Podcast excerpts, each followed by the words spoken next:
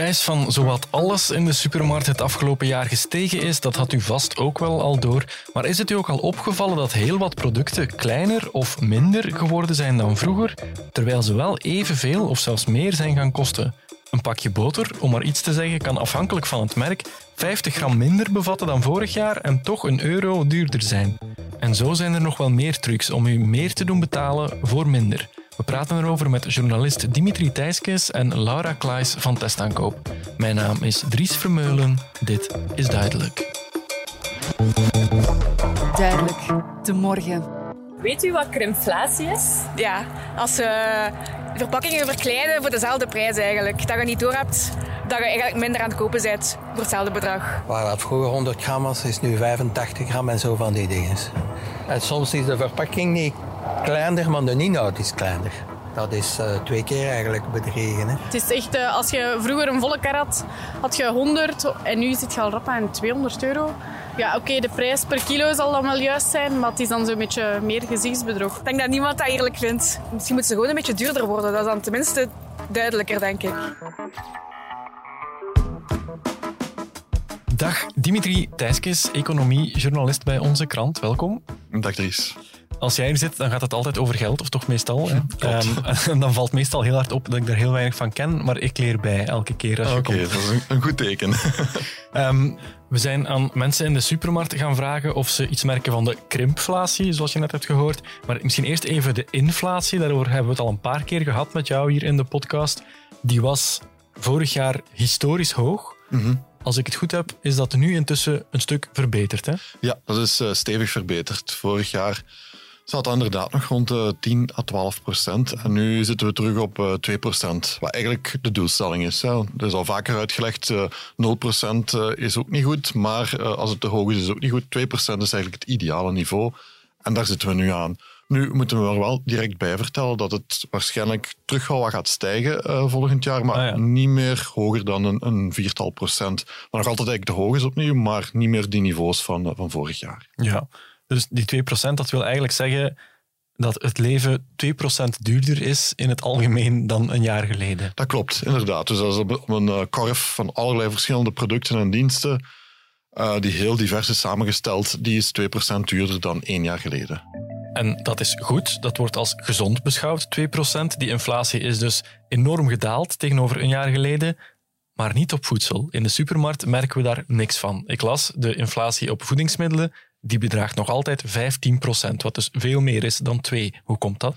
Ja, het is ook wel zo dat uh, de voedingsprijzen dat die ook iets uh, trager gestegen zijn in het begin. Dus de inflatie zagen we in het begin, vooral dus twee jaar geleden, vooral op de, op de brandstoffen uh, of, of elektriciteitsprijzen.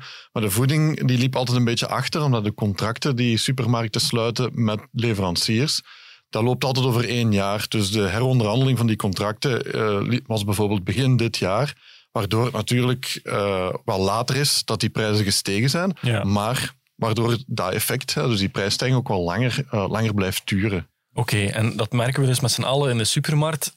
Een winkelkar, ik haal er even een cijfertje bij, is op twee jaar tijd 25% duurder geworden. Dat wil dus zeggen, als je in 2021 nog 100 euro betaalde voor je winkelkar, betaal je daar nu voor diezelfde kar 125 euro voor. Dat is natuurlijk een aanzienlijk verschil. Mm -hmm. En dat heeft dus te maken uiteraard met de stijging van die voedselprijzen, maar ook met het feit dat producenten ons stiekem minder zijn gaan geven soms voor dezelfde prijs of misschien zelfs voor meer. Ja, ja klopt. Hè. Dat is natuurlijk een slimme manier om ervoor te zorgen dat de consumenten niet zien dat ze eigenlijk meer betalen voor, voor de producten die ze kopen. Bijvoorbeeld als je, als je een, een botervlootje uh, kocht vorig, vorig jaar van 250 gram, dan doen ze daar nu bijvoorbeeld 10% minder in, dus 225 gram, waardoor -hmm. je wel eigenlijk 10% meer betaalt.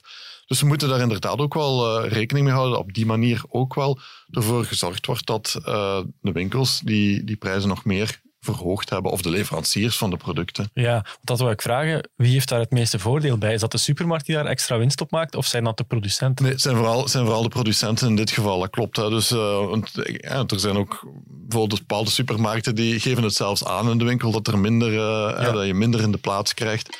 Dus het, is, het, is, inderdaad de leveranciers die daar uh, nog extra winst op maken. Dus ik merk dat ze voor hetzelfde geld wat je vroeger betaalde, nu veel minder product geven. En dat is ook niet geafficheerd of aangeduid. Ik snap dat ze het doen, maar dan moeten ze het zeggen dat ze het doen. Of, of de potjes kleiner maken of iets. Allee, snap je? Je moet zo uit je dop kijken tegenwoordig. Zo. Zeker bij de chips. Hoe groter het pak, hoe minder dat erin zit. Bij de wasproducten valt het ook neig op. In principe moet je altijd nakijken hoeveel gram dat erin zit en moet je naar de kilo gaan rekenen. Maar ja, ik ben in feite een hele slechte qua prijsvergelijking. Laura Klaes van Testaankoop is er komen bijzitten. Welkom. Dank u. Ik neem er eerst even wat cijfers bij. Uit verschillende winkels, verschillende merken. Hou je vast. Een pakje bakboter van Solo woog vorig jaar 500 gram. Nu weegt dat nog 450 gram. Is gestegen van 2,39 euro naar 3,50 euro. Meer dan een euro duurder dus, terwijl het lichter is geworden. Een zakje Lace chips van 225 gram weegt dit jaar nog 200 gram. Bij de Leize is de prijs gestegen van 1,65 euro naar 1,75 euro. B-cell proactief olijfolie van 250 gram vorig jaar naar 225 gram dit jaar. Zelfde prijs of duurder in verschillende winkels. Een doosje Kleenex. Vroeger zaten daar 72 zakdoekjes in, nu nog 64 voor dezelfde prijs, opnieuw of duurder. Worden we met z'n allen massaal bij de neus genomen in de supermarkt? Ja, het is heel moeilijk eigenlijk om te zeggen hoe massaal dat, dat is. Maar shrinkflation, dat gebeurt. Hè. Dat is uh, sowieso. Niet alleen shrinkflation trouwens, er zijn ook nog heel wat andere trucs. Marketingtrucs of de trucken van de voor, zoals ze dat noemen. Waardoor wij, zonder dat we het weten, toch meer gaan betalen voor minder. Ja, over die andere trucs gaan we het zeker zo meteen nog hebben. Maar eerst even die shrinkflation, krimflatie. We hebben een paar merken genoemd, maar er zijn er heel veel die dat doen. Hè? Er zijn er heel veel, inderdaad. Hoeveel kunnen we niet juist zeggen, omdat het heel moeilijk is om dat effectief ja, te gaan vaststellen, omdat het meestal wordt gedaan door gewoon een nieuw product in de markt te introduceren, waardoor dat, dat voor ons heel moeilijk is om in de databases eigenlijk te gaan vaststellen van ah, dit product is in volume verkleind, maar de prijs is verhoogd. Want dan mhm. moeten we gaan kijken van oké, dit product is uit de markt gehaald. Is er een gelijkaardig nieuw product in de maanden daarna geïntroduceerd dat eigenlijk hetzelfde is, maar gewoon kleiner. Dus het is heel moeilijk vast te stellen. Dat is natuurlijk ook bewust zo gedaan. En het is dat eigenlijk een beetje waar het, waar het schoentje knelt. Hè. Mensen voelen zich echt belazerd. Mhm. Ja, we hebben dat voorbeeld van de botervlootjes genoemd, die 50 gram lichter zijn geworden. Dat zie je natuurlijk op het etiket, maar is de verpakking dan ook veranderd? Zie je dan dat die kleiner is geworden of zelfs dat niet? Ja, dat kan inderdaad dat de verpakking verkleind is. Soms gaat dat ook gepaard met een volledige rebranding eigenlijk, een volledige nieuwe pak, waardoor het nog minder opvalt, omdat je dan eigenlijk ja, niet als consument niet meer bezig bent met, uh, met is dat nu kleiner dan het vorige of niet, want gewoon de hele rebranding valt al op. Wat we bijvoorbeeld ook zien, is dat, een, dat de producent dan eventjes twee, drie maanden stopt met het, het oude product, het grotere product te maken, zodat zeker al die oude al uit de rekken zijn in de supermarkt, om dan het nieuwe, kleinere te introduceren, zodat er zeker geen kans is dat het grote naast het kleine in de supermarkt staat, want ja, dan valt het uiteraard op. Je zei daarnet, die verpakkingen worden kleiner gemaakt of de inhoud wordt een beetje verkleind en, en dan de prijs gaat omhoog. Maar er zijn nog andere trucs die producenten gebruiken mhm. om ons uh, meer te doen betalen voor hetzelfde. Welke zijn dat dan? Ja, en die bestaan trouwens ook al heel erg lang. Dit is niets nieuws, dit valt gewoon steeds meer op. Maar denk maar aan de pakjes waar vroeger zo op stond 20% gratis. Mhm. Dat uh, was bijvoorbeeld iets. Eerst was dan dat pak um, aangepast en dan is de prijs ook aangepast. En dan heeft men erop gezet, ja, er komt 20% gratis bij. Ja, dat is eigenlijk ook maar gewoon om je dat product te doen kopen, denkende dat je een goede deal doet, want je krijgt een deel gratis. Mhm. Iets wat ons ook heel veel opvalt, dat zijn de grotere, de maxi-packs eigenlijk. Hè, wanneer je iets in, in groter volume koopt, dan denk je dat dat goedkoper is. Ah ja, zo is dat altijd ons aangeleerd. Koop je in bulk, dan is dat goedkoper. Dat blijkt lang niet zo te zijn. Als je dan gaat kijken naar de, de prijs per kilogram of de prijs per liter bijvoorbeeld, dan is het vaak zo dat het grotere pakket toch duurder is, relatief gezien dan. Um, dat komt vaak omdat er in die grotere pakketten iets minder concurrentie is. En je weet, ja, hoe meer concurrentie, hoe meer druk op die prijs. En dus in de kleinere pakketjes, we zien steeds meer kleinere um, verpakkingen in de winkel. Dus daar is die, ligt die prijs wat onder druk. Die ligt daar dan wat lager. En in de grotere pakketten, dus ondanks wat je zou denken, zijn die toch eigenlijk duurder. Dat is iets waar ik zelf nog nooit naar heb gekeken, want je gaat er inderdaad vanuit, als ik meer koop, dan betaal ik relatief gezien minder. Ja, maar dat is eigenlijk niet goed dat je daar nooit op let. Je moet die, die, die prijs per eenheid vergelijken, is echt echt eigenlijk, dat moet een basisreflex zijn in de winkel, omdat je zo echt producten correct met elkaar kunt vergelijken.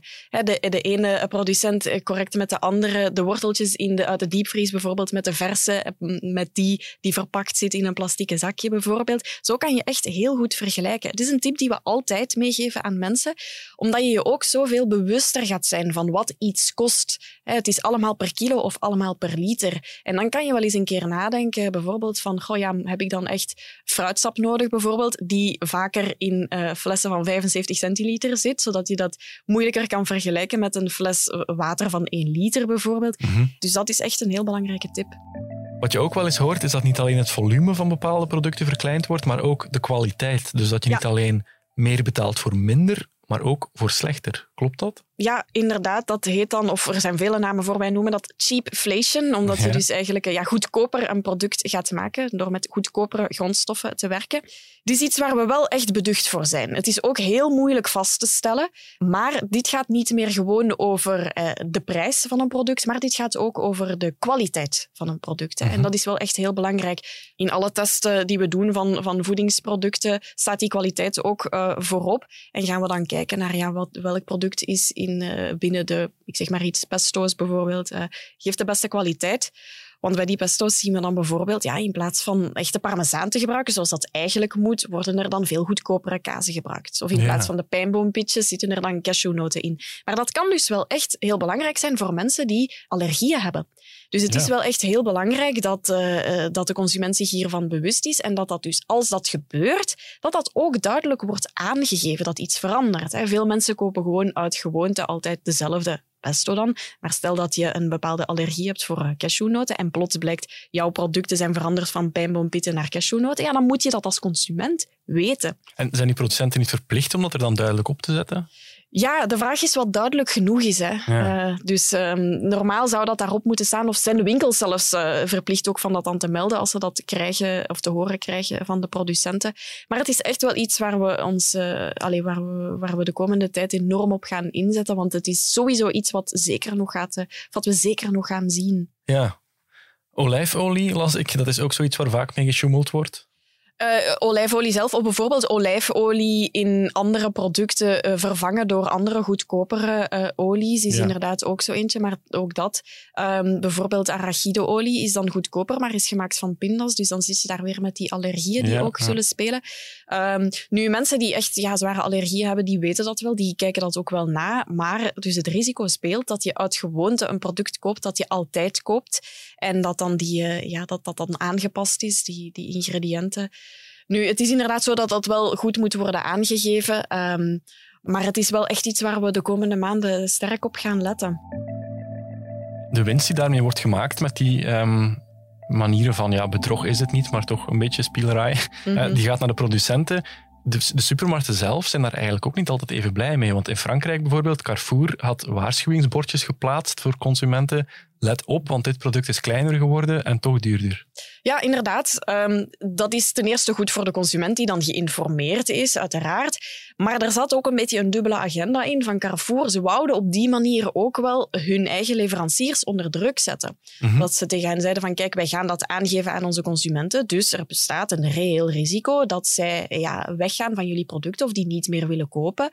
En dus zo verplichten ze hun producenten van toch twee keer na te denken over eventuele prijsverhogingen en het, het gebruik van shrinkflation. Dus op zich, die praktijk, ja, je, daar is wel iets voor te zeggen. Anderzijds is het wel een beetje cynisch dat eh, Carrefour dat dan doet voor producten van hun leveranciers, maar dat dan niet doet voor hun eigen producten. Ja. Uiteraard hebben zij hun huismerken en uiteraard plakten daar geen grote stickers op En van. zij doen dat ook gewoon. En zij doen dat uiteraard ook gewoon. Ja, inderdaad. We mogen hier echt niet zomaar kijken naar de grote producenten. Ehm, we weten allemaal dat, eh, dat ehm, eh, supermarkten ook eigen huismerken hebben. En dus je mag er zeker van zijn dat ook zij aan shrinkflation en cheapflation doen. Mhm. Misschien even voor alle duidelijkheid. Al die trucs die we hier hebben opgenoemd, dat is allemaal perfect legaal. Producenten mogen dat doen. Ja, absoluut. Er, zijn, er is één grote regel. Het moet duidelijk zijn voor de consument wat de prijs per eenheid is. En dus van zodra er duidelijk het aantal gram of het aantal liter op staat en een prijs bij staat, ja, dan is er geen informatieprobleem en dan is dit perfect wettelijk.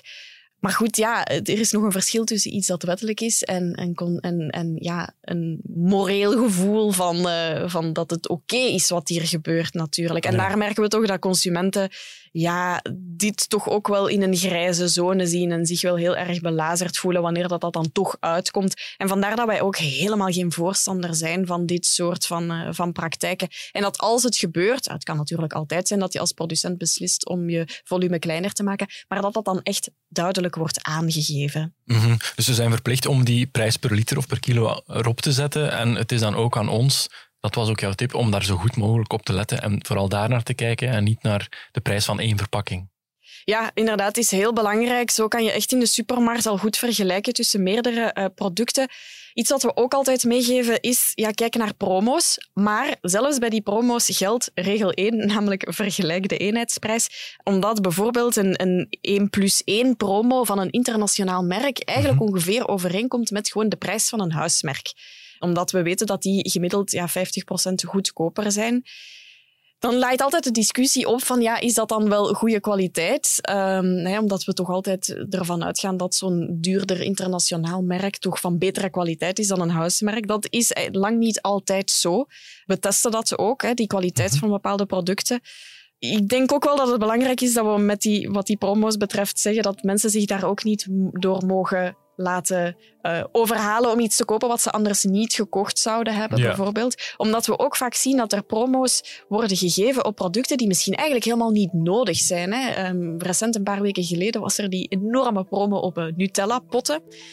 Waarbij we ons dan ook de vraag stellen van ja, is dat dan hetgeen waar promo's op moeten worden gegeven door een supermarkt? Terwijl dat dan ja, het brood waar je dan die Nutella op smeert nog altijd 15% duurder is dan een jaar geleden.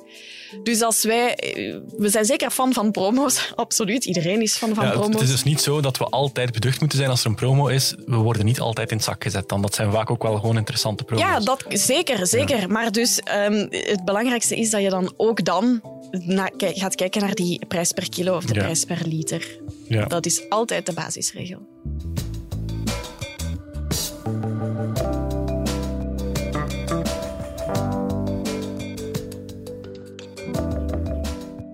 Dimitri, we zien dan dat die voedselproducenten eigenlijk handig gebruik hebben gemaakt van de inflatie om hun prijzen nog verder te verhogen en het nu eigenlijk weer heel erg goed doen. Geldt dat ook voor de supermarkten of hebben die het nog altijd lastig?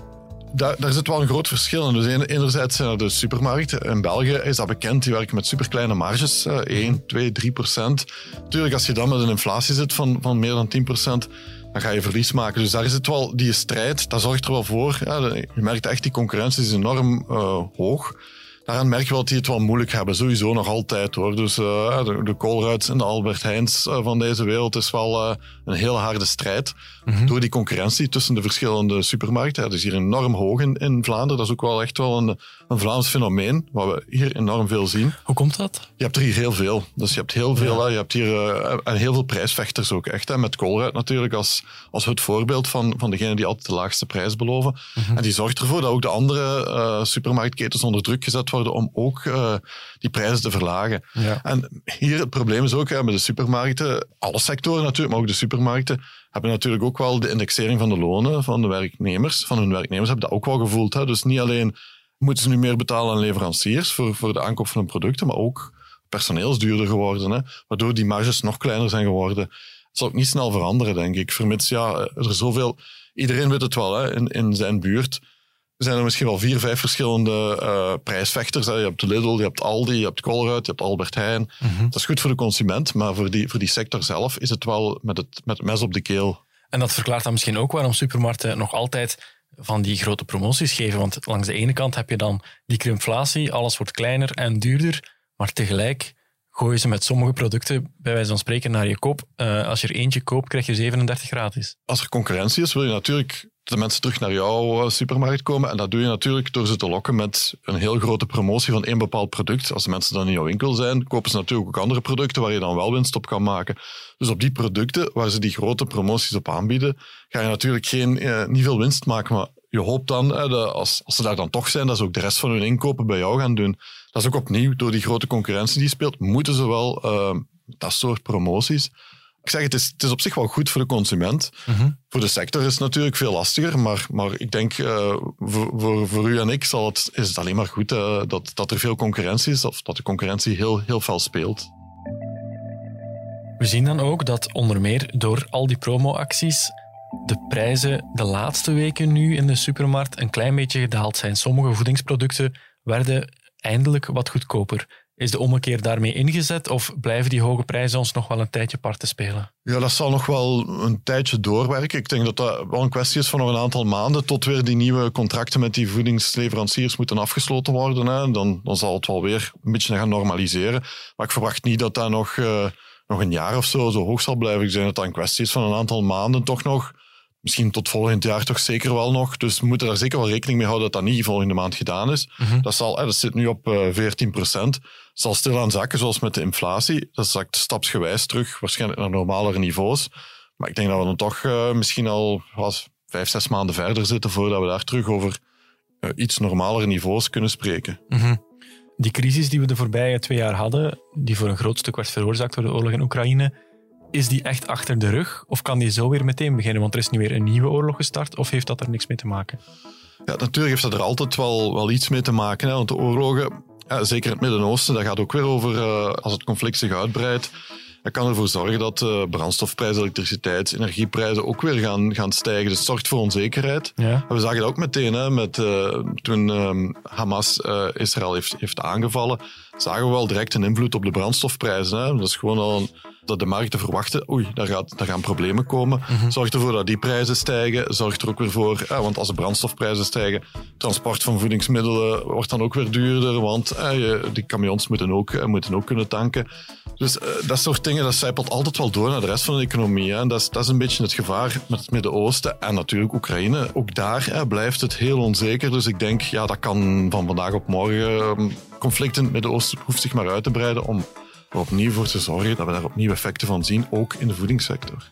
Mm -hmm. Maar voorlopig, op de korte termijn, gaat het de goede kant op. Ja, klopt. Ik denk dat we daar wel van kunnen uitgaan. Hm. Oké. Okay. Dimitri Thijskes, dank je wel. Graag gedaan. Ik bedank ook Laura Klaes van Testaankoop. Ik bedank u, beste luisteraar, om erbij te zijn.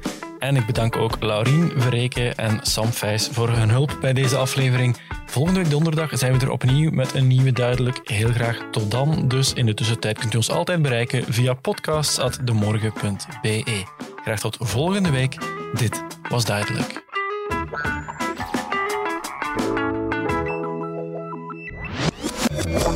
Duidelijk. De morgen.